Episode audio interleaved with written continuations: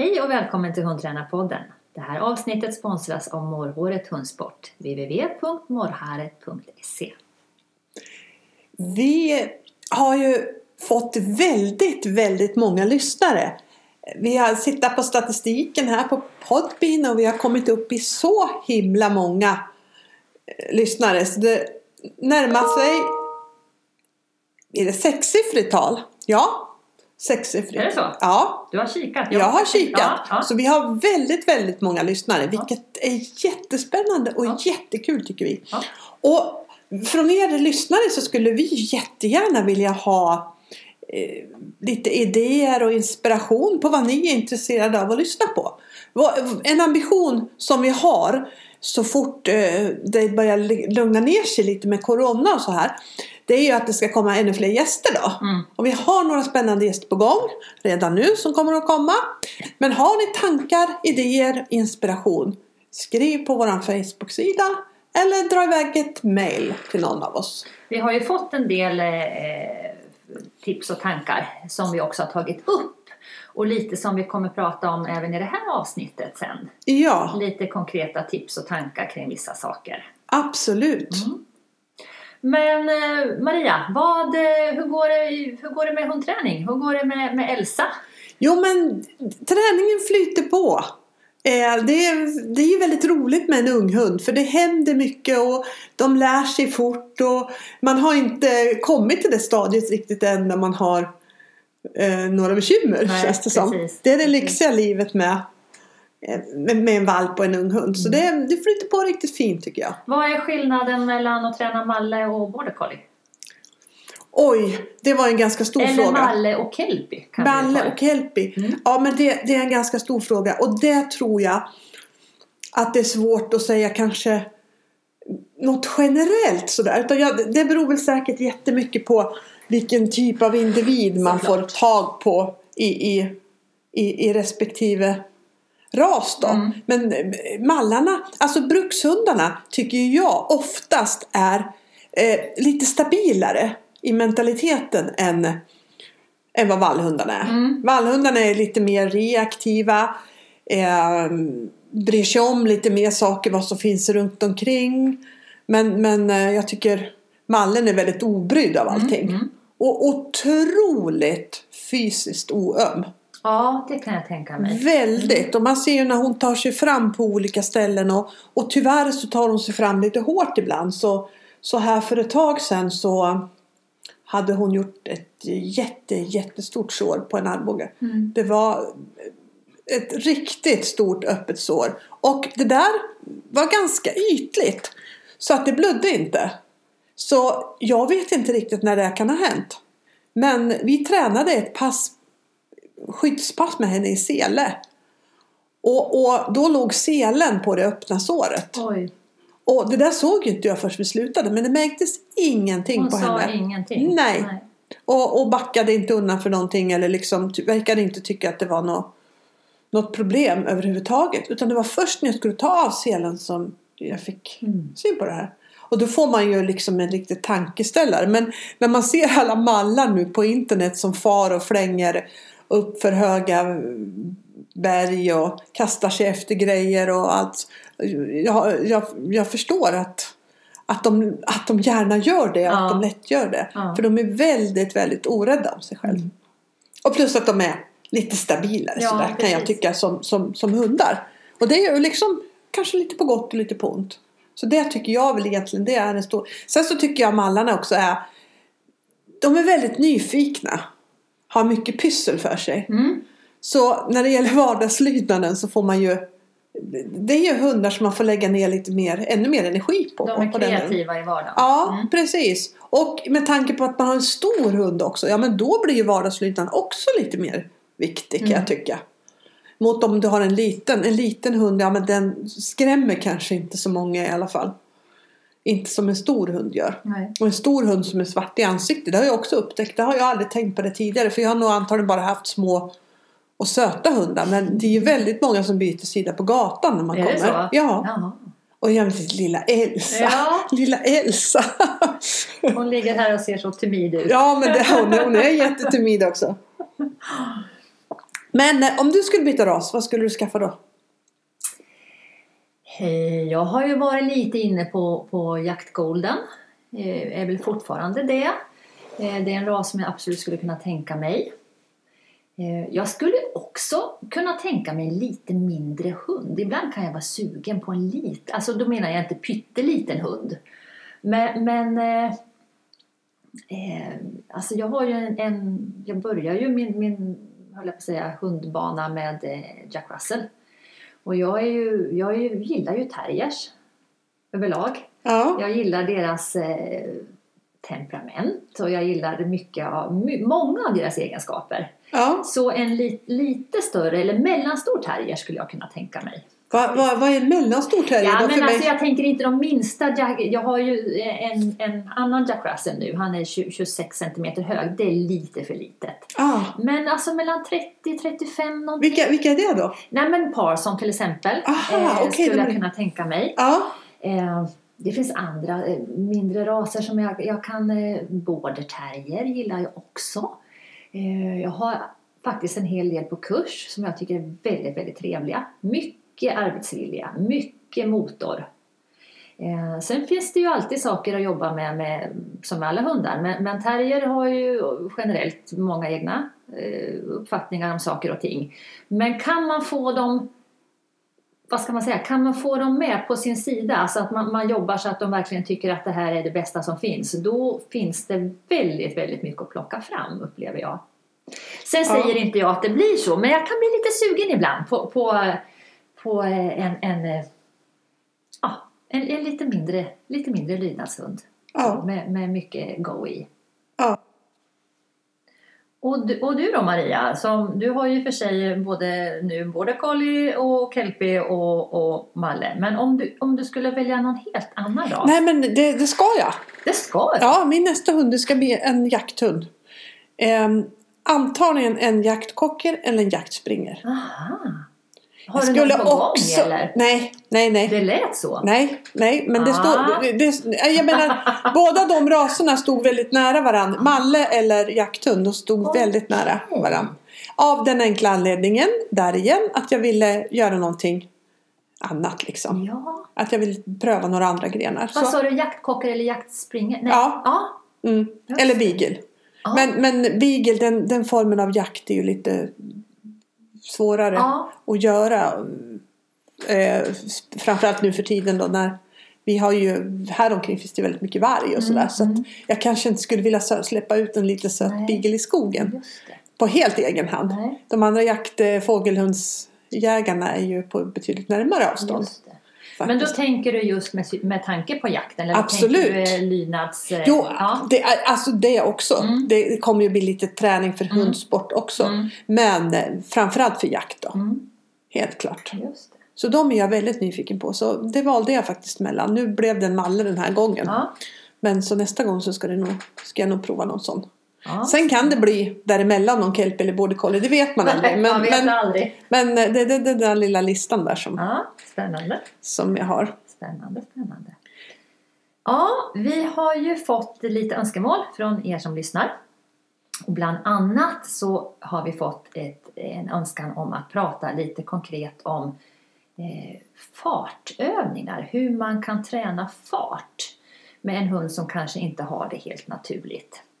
Ja, och då vill vi ju återknyta lite till det här avsnittet där vi pratade väldigt mycket om att mycket är träningsbart. Och vi tänker att det här kanske kan också vara ett litet konkret exempel på en sak som faktiskt är ganska träningsbart.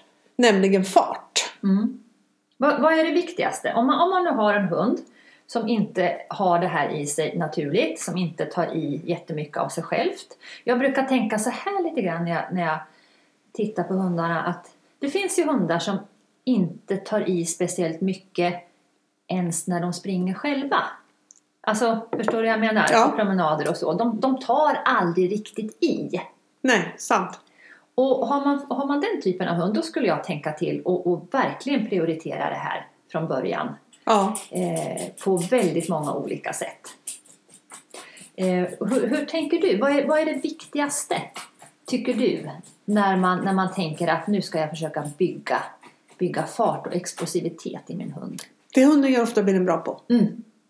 Jag Få- förstår nästan att du skulle Ja, svara så. få den att springa. Mm. Lära den att springa och lära den att ta i. Mm. Och det här, jag har ju berättat om eh, min gym som jag hade för några år sedan.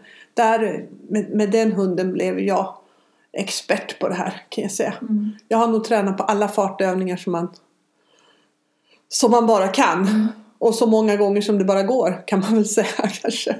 Så, så jag, känner, jag känner att eh, Ja men jag känner också att, att det här är väldigt mycket träningsbart. Mm. Och för, för jag tror att många fastnar i den fällan.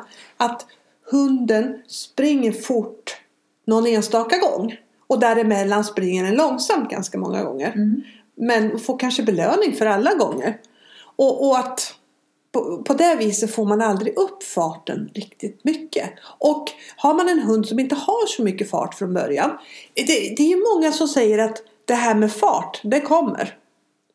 Och speciellt om du har en lättsprungen hund som en border collie. Men det är ju inte sant. Nej. Det vet ju både du och jag Mm. som har sett väldigt Mm. många hundar. Det finns faktiskt ganska många border collies som springer sakta också. Mm. Även om border collie kanske är en, en av de raserna som, som från början har lättast att springa. Faktiskt. Så Mm. många border collies behöver också träna fart. Absolut. Och jag skulle aldrig låta bli att träna fart. Och jag tränar alltid fart. Vare sig jag tror att det behövs eller inte så tränar jag på det. Mm. Och där så tror jag att det finns en viktig, viktig sak att förklara där. Det är att fart och stress inte är samma saker. Nej. Precis. För det tror jag att många fel. Liksom, du drar upp hunden så att den blir hetsig och stressig. Men det är inte det vi vill Nej. åt. Jag vill åt en väldigt fokuserad fart. En hund som springer snabbt men som är väldigt målinriktad och vet precis vad den ska göra. Mm.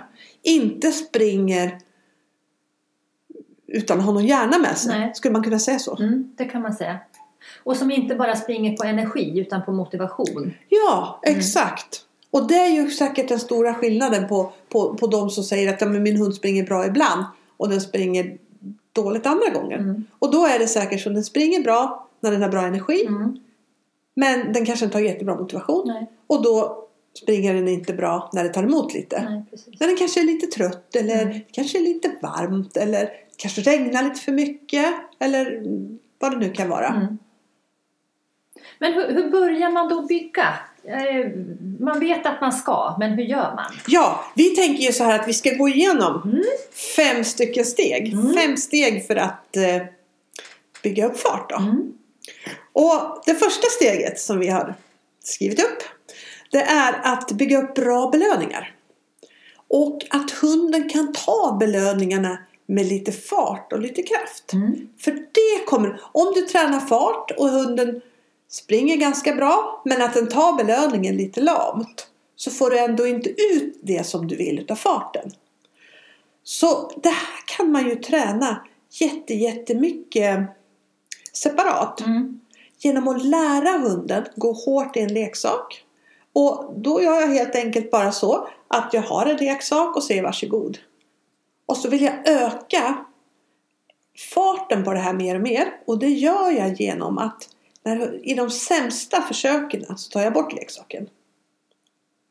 Så om vi säger den, den fjärde eller femte del som är, som är långsammast, då rycker jag bort leksaken. Ja. Och då gör jag det på ett väldigt, väldigt, väldigt lekfullt sätt. Är det en hund som tycker det här är svårt och som, som liksom säger jaha, nej, då får du vinna. Då gör jag det extremt lätt först. Eller hoppar tillbaka och gör det på godis först. Mm. Att jag håller hunden i halsbandet, kastar iväg en godbit tre eller fyra meter och så taggar hunden lite på den och så har vi lite kapplöpning till godbiten. Och så tränar jag så att hunden blir lite fräck. Mm. Och där igen, en försiktig hund, ja men då kan- får jag vara ganska försiktig. Då kanske jag bara sträcker en hand lite efter den. Men vart efter hunden blir liksom peppad och äggad på det här så liksom kastar jag mig mot den. Och också få lite självförtroende och känna Ja, att den lyckas. ja Mm. att den ska känna sig som en liten, Mm. ja, men som en liten bandit. När den Och kan... det här tycker jag det är väl en väldigt bra grundövning. För man tänker att ja, men jag vill inte träna så mycket fart med min valp. Nej, det är väl klokt. Men reaktioner, alltså snabbhet Ja. så. Eh, eh, på, på det sättet att man snabbt ska reagera och, och vara lite explosiv. det kan man träna. Absolut. Och det här är ju liksom grunden för det. Mm. Och, och samma sak att man tränar hunden att kunna ta aktiva belöningar. Med aktiva belöningar så menar jag att hunden är i rörelse när den tar belöningen. Kan du ge några exempel på, på eh, man säger ju ofta att lekbelöningar är aktiva, höjande och godisbelöningar är lugnande men så behöver det ju inte alls vara. Absolut inte. Eh, Ett sätt att eh, få en väldigt bra höjande övning det är att du har en godis, du formar handen som en skål, har en godis i handen och så låter du hunden jaga handen. Och det viktiga då, det är att hunden tar godbiten i din hand.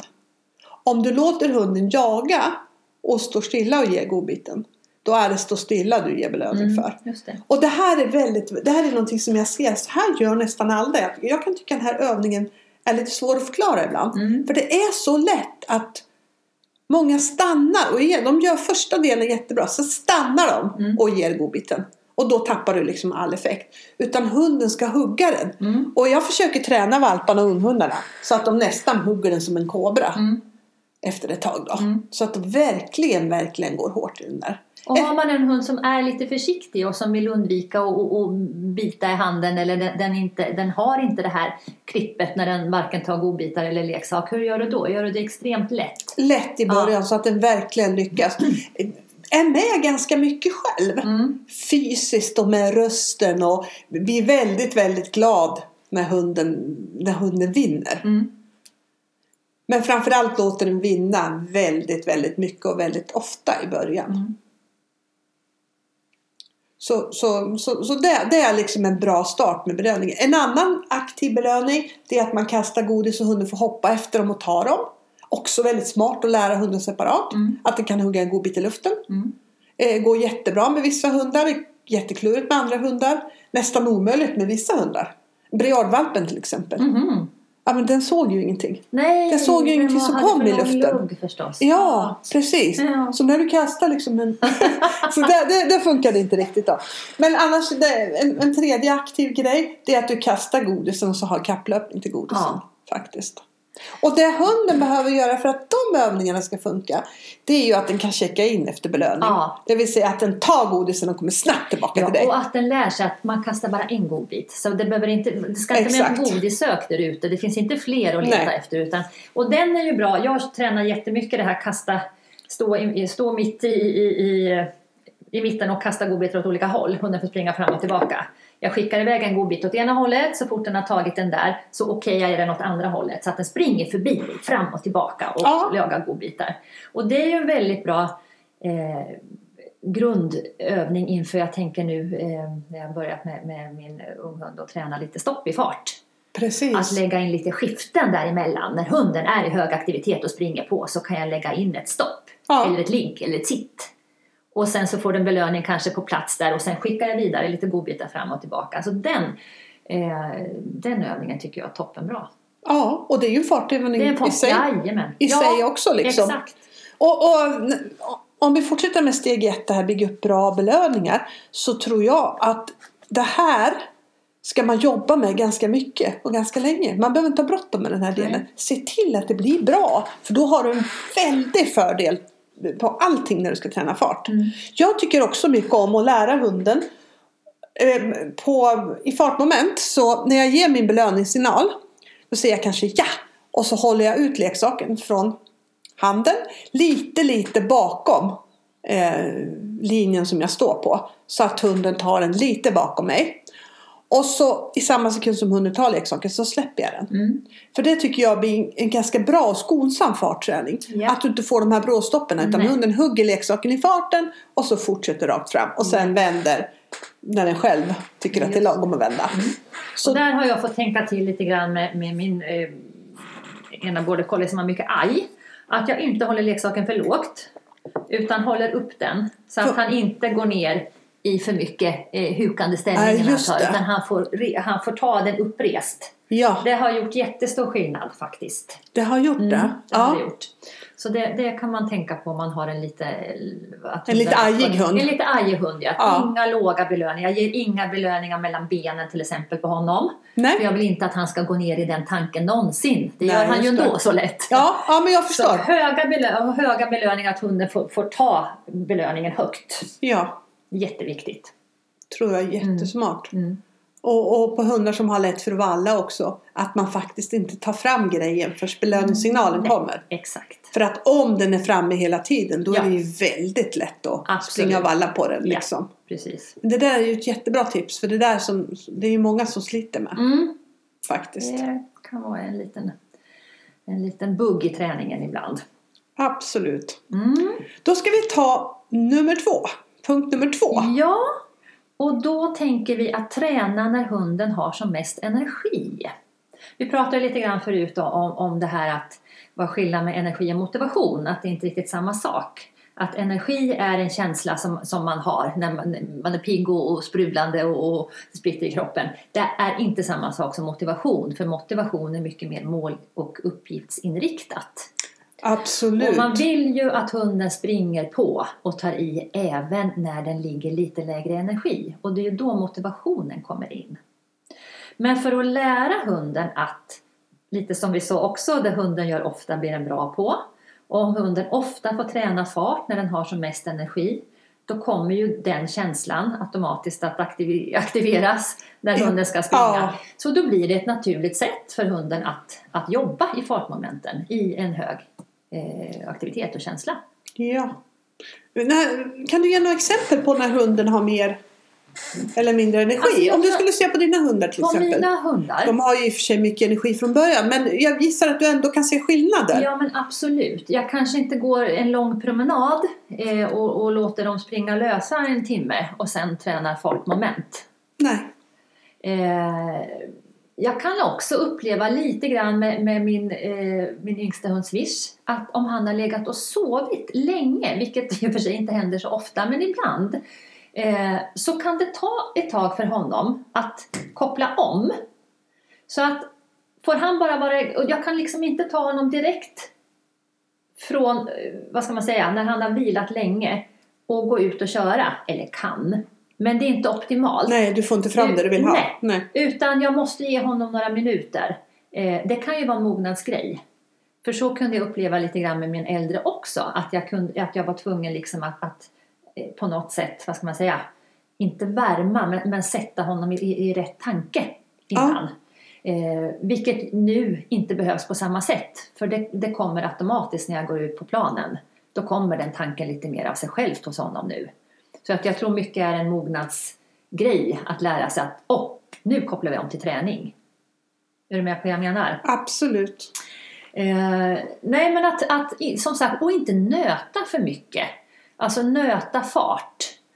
Nej, precis. Där Det får du vänta med för det var en tredje Ah, punkt okej, sen. då ska jag inte gå händelserna Jag får inte gå händelserna i förväg. nej. Nej, men jag tror att det är, det är viktigt. Men den här working kelpien som jag berättade om som var väldigt lågtempererad. Så på morgnarna när vi gick morgonpromenad Ja. så hade vi ett gärde där hundarna alltid raceade. Ja. Där tränade jag fart. Ja, En ganska lång period Just bara. det. För där sprang han på ordentligt. Mm. Då kunde jag sätta honom eh, Sätta honom i änden på gärdet och gå 200 meter Mm. och sen så ropa på honom. Mm. Och då var det också ganska bra chans att han sprang på. Mm. Men det var det lä- läget när han var som mest pigg. ja. Och då som det liksom Och det kunde du bäst. plocka med dig sen i andra situationer på andra platser. Absolut. Mm. Och då, då kommer vi till våran som är punkt tre. Och det är ju att eh, göra få upprepningar. Mm. Som du var inne lite Mm. på. Just det. Att vill man träna fart så är det viktigt att hunden har fart hela tiden när vi tränar fart. Och, och då, be, då behöver man ofta göra ganska få. För att vara säker på att hunden verkligen springer på. Och kanske planera de upprepningar eller de försök som man gör. Ja, Mm. vara extra noga med att se till att de verkligen blir bra. Mm. Och i början så kan jag tänka mig att göra precis vad som helst för att hunden ska kunna springa fort. Med vad som helst så menar jag att någon håller i hunden och att jag sticker iväg eller ja, vad som helst som jag tror att hunden kommer att liksom ta i lite Gå och igång på, på. ja. Ja. Mm. Mm. Absolut. Just det. Och där, där igen, få upprepningar. För det tror jag det är en ganska vanlig sak man ser på olika träningar. Att, att många kör hundarna. De har hyfsad fart i början. Mm. Så tränar man lite för länge och så tappar hunden lite farten Mm. lite grann. Och det vill vi ju inte. Nej. Och det ska, om hunden tappar fart så betyder ju också att motivationen sjunker Mm. lite grann också. Mm. Och det vill vi ju inte ha. Nej. För motivationen för det som hunden ska göra, liksom lusten att alltid vilja göra det här. Den blir ju så viktig sen när det börjar ta emot liksom. Jag menar, har du en hund som är ganska motiverad så blir det till exempel väldigt mycket lättare att träna i ösregn. Ja. Har du en hund som är halvmotiverad och tycker det är halvkul Mm. så lägger de ofta ner om det Mm. kommer ösregn. Samma sak när det är väldigt varmt. Ja, Mm. exakt. Mm. Exakt. Så, så vill du träna fart, gör få upprepningar.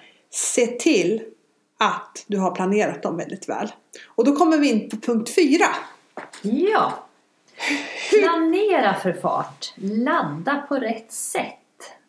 Och vad är ladda på rätt sätt? Där tror jag är väldigt, väldigt individuellt. Och där har ju jag tänkt om lite, lite grann. När jag fick eh, eh, Smiley och han var liten så laddade jag honom ofta genom att han fick hänga fram lite i kopplet. Jag slängde iväg något eller någon fick hålla honom och jag sprang iväg. Så han hängde fram i kopplet, i halsbandet och ville springa till mig. Eh, det kommer jag inte, det har jag inte gjort med, med eh, min, min swish. Nu är han en annorlunda hund som inte har alls eh, aj av det på det sättet som, som Smiley. Men jag tror att jag byggde på hans, eh, vad ska man säga, vallkänsla lite grann genom att han gärna vill huka sig ner i starter när jag ska skicka honom på grejer. Han vill gärna bli låg i, i starterna överhuvudtaget. Eh, och här tänker jag att hade jag tränat på ett lite annat sätt så kanske jag hade fått mindre av det. Så där har jag fått tänka om lite grann. Ja, Förstår du vad jag menar? Jag vill alltså inte att han ska ligga på, i framvikt Nej. och tänka fram nej, när jag han förstår. ska starta. Hur kan man starta upp utan att få hunden i framvikt? Ja då? men alltså när man ska träna fart, jag kan ju starta hunden liggande ja, exempelvis. Eller jag kan starta honom genom att han får gå, jag kan ha min, min eh, hand lite högt med godis. Och sen så får han gå eh, från stående och springa. ja, Bara han vet vart han ska. ja. Han behöver liksom inte sitta och ladda och aja dit han ska och sjunka mer och mer och hänga fram. Absolut inte. Så, så, eh, men som sagt, man lär sig av, eh, av de hundar man, man får Ja, att kanske inte göra om samma misstag. Sen som Sant. sagt, även border collies är, är olika. Alla har inte lika mycket aj och vall. Så att eh, på en annan hund så kanske det skulle funka jättebra. Men jag tänker inte chansa. hur planerar man för fart då? Alltså dels så, så tror jag att det är viktigt att hunden är i rätt att hunden är i rätt aktivitetsnivå och känsla.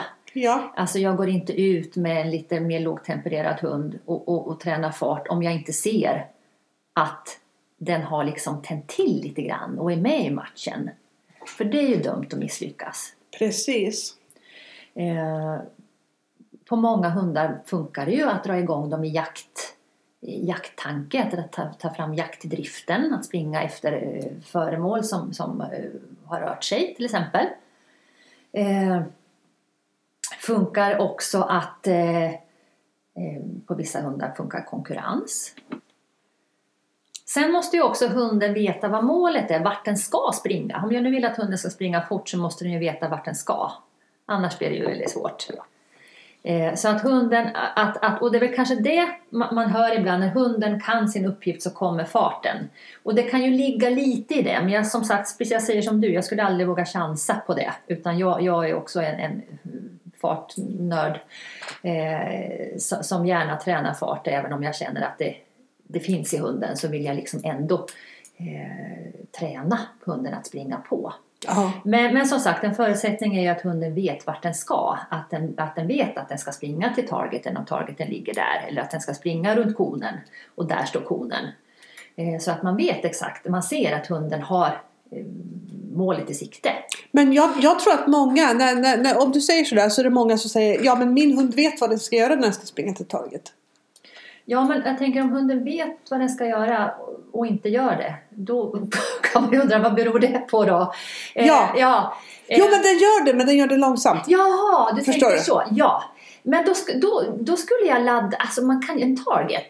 Eh, när jag lär in target så tränar jag ju ofta på att dra den. Alltså att targeten är i rörelse.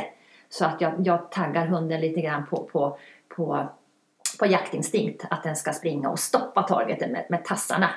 Eh, det är ju ett sätt att, att, att dels att träna ett, ett specifikt stopp. Men också att hunden ska koppla targeten till någonting som kan börja röra sig. Är Ja. på vad jag tänker? Ja. Ja. Sen att den då så småningom ligger still, det är en annan sak. Men då har jag förhoppningsvis lärt hunden att den kan fara iväg rätt vad det är. Jag har ett snö, långt snöre i min target som jag kan dra iväg rätt vad det är. ja just det. För att hunden liksom ska, ska eh, tagga igång på den. Men om vi säger nu att den taggar igång på targeten och den gör targeten väldigt bra. Mm. Men när jag ska skicka ut till rutan så blir det lite långsam ibland när den springer till targeten. Den verkar inte riktigt som den vet vart den ska springa. Nej, och då kan Inte man... exakt utan den springer lite och tittar efter targeten istället för att bara springa på. Mm. Eh, jag skulle ju visa hunden Ja. i det läget. Visa vart den ska. Och det Ja. gör jag fortfarande många gånger med mina hundar. Även fast jag, jag brukar tänka så här när jag tränar. Hur stor chans tror jag det är att den hittar rätt? Och då, då har jag någon slags 80% regel där. Att om jag tror att ja, det är ungefär 80% eller minst 80% chans att den kommer springa rätt. Då kan jag chansa. Men är det mindre då går jag ut och visar. visar. Ja. Eller Ja. på något sätt påminner. Och det tror jag är en väldigt smart träningstips att ta med sig. För om man väldigt mycket och väldigt ofta chansar och låter hunden gå. När det är stor chans att den inte kommer att gå. Då får du väldigt mycket träning på någonting som, Ja. du, Precis. som, som du säkert inte vill ha. Nej. Och det kan man ju höra många gånger när man på, har kurser och så. "Ja, Vi testar och ser. Ja. Och då brukar jag fråga, hur stor chans tror du det är att den klarar? Ja, 50-50. Ja. Du gör som du vill, säger jag. Men vore det jag skulle jag inte chansa i det Nej, läget. nej, jag håller helt med. Ja.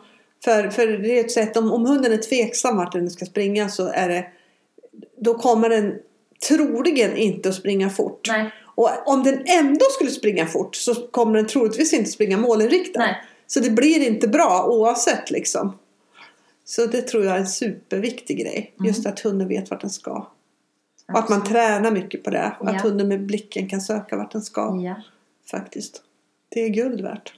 Mm. Den femte punkten, eh, Maria, är, eh, har vi skrivit kriterier. Ja, Förklara. ja, att man har kriterier för fart. Eh, kriterier det bruk, brukar jag definiera som att det är vad hunden ska göra innan vi belönar. Mm. Och det här är ju väldigt viktigt att jag själv vet vad jag vill att min hund ska göra. Jag kan ta ett, ett exempel eh, från ett läggande till exempel. Vad ska hunden göra när jag säger att den ska, när jag säger ligg? Vad ska den göra då? Eh, ska den lägga sig ner bara hur som helst, hur den vill och hur bara den lägger sig ner. Mm. Eh, då, då, då kan ju det vara mitt kriterium. Men hunden ska bli liggande på Mm. backen. Mm. That's it liksom. Men om jag vill ha ett mer tävlingsmässigt läggande. Då måste jag ju ha betydligt skarpare kriterier om jag vill ha bra betyg på läggande. Så jag tänker liksom aldrig runt läggande som att hunden ska lägga sig. Utan den ska göra en viss rörelse med kroppen. Som är olika från om den sitter eller om den är stående eller om den är i rörelse. Ja. Men det är en specifik rörelse jag vill ha. Och allt annat än den är hamnar inte inom ramen för kriteriet. Nej. Därför att det här hunden gör någorlunda liksom, det kanske gör någorlunda, men det är inte det tänker jag som jag har lärt hunden. Nej. För, för det som är viktigt för ett kriterie tycker jag, när man börjar komma till så att man har moment, det är ju att hunden har lärt sig det. Man kan ju inte sätta kriterier för någonting som inte hunden kan. Nej. Om, om, jag kan gå tillbaka till det, här, till, till det här läggandet igen. I vardagen har jag ett kommando till hundarna som heter lägg. Och det betyder det, lägg dig och bli där. Men du kan lägga dig hur du vill. Det är ingen bråttom eller sådär. Bara lägg dig så är det bra liksom. Mm. Ingen precision i det överhuvudtaget.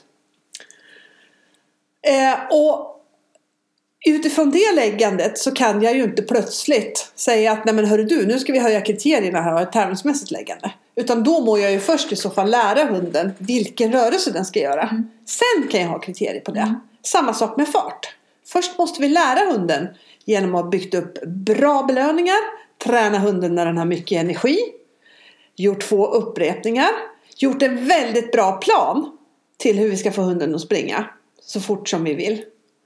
Har jag gjort det och gjort det x antal gånger så att, jag, så att um, hunden har kommit in i det, ja men då kan det börja bli ett kriterie. Mm. Just det. Och springa, liksom Mm. springa fort. Och det vill jag hålla på. Och det här med att hålla på kriterier på inkallningen. Det är ju asviktigt när man börjar med inkallning med stålig. Mm. För håller man inte på kriterier då, då är det ju väldigt lätt att man tappar farten helt och Mm. hållet. Just det. Och det, det, det är ju också en, en annan del som gör att inkallning med stålig, ja men där är det ju väldigt smart att eh, dela upp inlärning på stålig Ja. och träna det separat och inte inkallningen. Nej. För att liksom inkallningen som helhet känner jag att där vill jag att hunden ska få väldigt mycket plus. My, mycket plus betyder att det ska bli mycket rätt Mycket och att jag inte ska behöva rätta så många saker Nej. i den. Nej. Och då, förs- då vill, vill jag att hunden ska kunna det separat. Men där börjar ju ofta hunden att bromsa. Mm. Och det tycker jag är ett sånt där typiskt ställe där man får jobba väldigt mycket på kriterierna ett tag. Mm. När man känner att man nästan sliter sitt hår. Mm. Men å andra sidan, tuggar man igenom den. Jag, jag, jag har gjort det med mina senaste hundar. Jag har verkligen tuggat igenom. De förstår sitt kriterie. Det betyder att jag faktiskt nästan aldrig gör några raka inkallningar. Jag gör nästan alltid stålig Mm. på inkallningen. Mm. Därför att de vet att de ska springa. Och de vet att de ska springa för att få belöning. Och de vet att de ska stanna och lägga sig. Och göra det som jag säger innan belöningen kommer. Att de har sina regler där. Sen, sen så kan de ju testa ibland och börja springa fortare. Springa, springa saktare och säga att mm, nu vet jag hörru, vad som kommer. Och vad gör du då? Då! Jag, jag, jag tränar stenhårt in en felsignal för fart. Mm. Och den här, den här alltså det, jag kan inte leva utan det. Men det betyder att när jag tycker hunden springer för sakta så vänder jag mig och sticker åt andra hållet med leksaken. Reta som tusan med leksaken. Låter hunden nästan få tag på leksaken. Gå jättesnabbt in i en ny inkallning från det stället jag är på och så iväg. För då har jag hunden i lite energi och lite frustration. Vilket betyder att det är stor chans att den kommer att springa på i nästa. Ja. Och då kommer jag belöna jätte- jättemycket. Mm.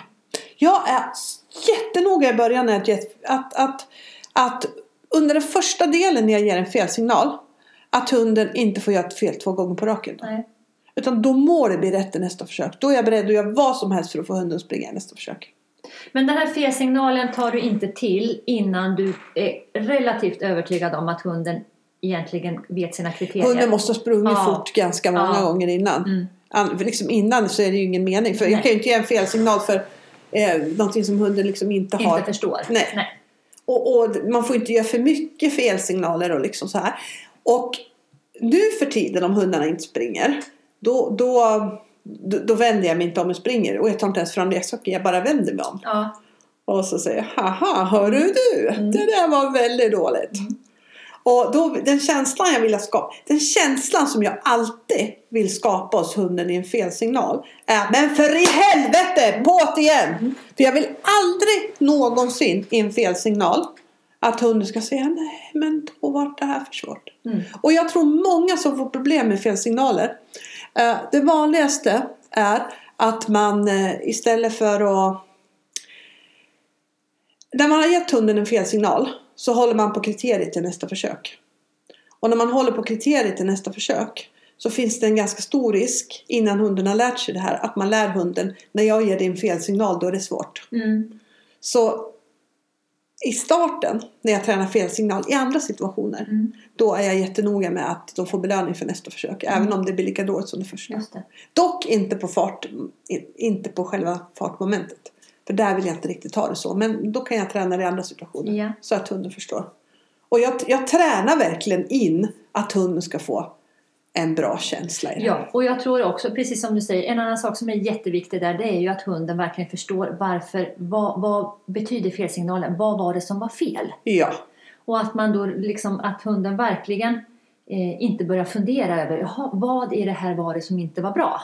Nej, för där, vad händer när man börjar tänka? Ja, då blir det långsamt. Ja, farten går ner direkt. Ja, för Ja. Jag, brukar tänka, jag brukar ofta tänka i träningen liksom så här, är det hundens tänkarhjärna jag vill åt Ja. eller är det hundens farthjärna Ja. jag vill åt? Ja, den är spännande. Ja. Mm, just Och, det. och, och är, det, är det farthjärnan då får jag akta mig för att lägga till för mycket tänk. Ja, exakt. Men har jag en hund som är väldigt fartig då är det tvärtom ganska ofta tänkarhjärnan jag vill ha fram. Mm, just det. Så det där är också som, som så mycket annat Beroende en väldig balans i hundträningen.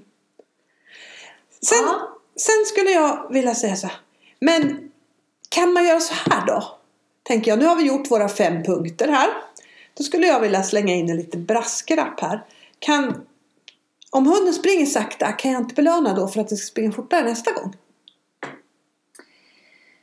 Alltså jag, jag tror ju inte riktigt på den. Eh, att, att det, säg så här. Det, det, kan, det funkar säkert på någon hund. Ja, Men jag tror inte att det generellt funkar utan jag tror man får motsatt effekt. Däremot så, så tänker jag att om jag har en hund som, som inte har jättelätt att ta i så belönar jag väldigt mycket starter. Alltså jag vill få starten explosiv. mm. Och det gör att jag direkt efter min belöningssignal, innan, alltså så fort, innan hunden ens har tagit första steget, den har rest sig och är på väg, då kommer min belöningssignal. Den hinner inte starta långsamt. Den hinner liksom inte börja springa, utan det är själva starten jag vill eh, få in en, en eh, explosiv känsla i. Så det kan jag tänka mig att göra. Men däremot inte, skulle jag inte slita upp leksaken eh, för att få min hund att springa fortare. För det tror jag får en, en, en eh, oftast En väldigt motsatt effekt. Ja, det, Ja. Jag tror faktiskt också det. Jag har inte sett så många gånger som att det har funkat speciellt bra. Men, skulle jag säga där. Tror du att det skulle kunna funka Ja. på din hund? Testa. Ja. För det kan man ju alltid göra. Det kan man göra. Men, då ska du ganska snabbt se resultat tror jag. För tänk på att varje gång du springer, din hund springer sakta så får den lite mer träning på det. Ja, För så, så är det ju. Jag tycker man ofta kommer tillbaka till det här. Det, det hunden gör ofta blir den bra på. ja liksom. precis. Och springa sakta är en sån här grej som är typiskt lätt att träna in. Och, och, och en sak som där jag har sett det väldigt, väldigt, väldigt tydligt hur, hur, hur knöligt det, det kan vara att få upp farten om man får in en viss känsla. Det är på tungaporten i bruxet. Mm. Så är det många som inte vill att hunden ska vara för snabb i början utan att den ska inte springa så fort med den här tunga porten då. Utan den får ta det lite lugnt in för att den ska få till ingångar och sådär. Ja. Och då, är det, det, då, då har jag sett på många att det var väldigt svårt att få upp farten. Mm. Därför hunden har varit så inne på att tungaporten, då, då är jag i den här känslan Ja. och då gör jag det här. Mm. Så det är så typiskt att det liksom, ja men det lätt fastnar. Faktiskt. Ja, Sen eh, skulle jag vilja säga en sak till utifrån erfarenheten med att bygga upp fart. Att det tar mycket tid. Det här är ingenting du gör en gång. Utan allt det här vi har pratat om är regler som du måste hålla dig till under en ganska lång period. och vad är lång period? Jag skulle säga att det är månader. Mm. Kan vara ännu längre. På min kelpie så handlar det om ett par år säkert. Mm. Av sån träning då. Då måste man ju vara lite galen. Men å andra sidan så det, var Det blev ju bra. Det blev bra Ja. i slutändan så Mm. jag skulle faktiskt inte tveka att göra det igen. Nej. Verkligen inte. Ska vi sammanfatta de här punkterna lite snabbt? Japp! Det gör vi. Nummer ett. Bra belöningar. Aktiva Jajamensan. belöningar. Aktiva belöningar Mm. som du ska träna på förhand så att hunden tar dem på det sättet du vill. Nummer två. Du väntar på mig. Jajamensan! Träna på att hunden... Träna när hunden har mest energi. Japp! Nummer tre. Gör få upprepningar. Mm. Planera så att de blir bra de upprepningarna du gör. Nummer fyra. Planera för fart. Eh, och, och, och se till att hunden vet vad uppgiften går ut på. Vart hunden ska springa. För vet man inte vart man ska, då är det svårt att springa fort. Då är det svårt att springa fort. Absolut. Och nummer fem, Marias favoritpunkt. Håll på kriterier. och var rättvis med dina kriterier också. Och det där är någonting som eh, Siv och jag har ganska många roliga diskussioner om. Ja. För, för hon säger belöna mer. Ja. Och jag säger nej, håll på kriteriet. Ja. Och hon säger belöna mer. Nej, säger jag, håll på kriteriet. Så vi brukar, ja, Ja, Vi men det brukar kanske, kanske är en litet mellanting där. mellanting där som kan vara bra. Faktiskt. Ja. jag hoppas att, att ni ska ha fått ett, litet kul exempel på idag på en sak som man faktiskt kan påverka himla mycket med träning. Och testa gärna och är ni några frågor eller funderingar skriv på vår Facebook-sida Mm, eller fråga så kan vi spinna vidare på det. precis. Vi hoppas att ni får massa med fartfylld träning här nu framöver. Ja, verkligen! Och så tackar vi jättemycket för idag. Mm. Tack! Och den här podden sponsras av Morrhåret Hundsport, www.marharethundsport.se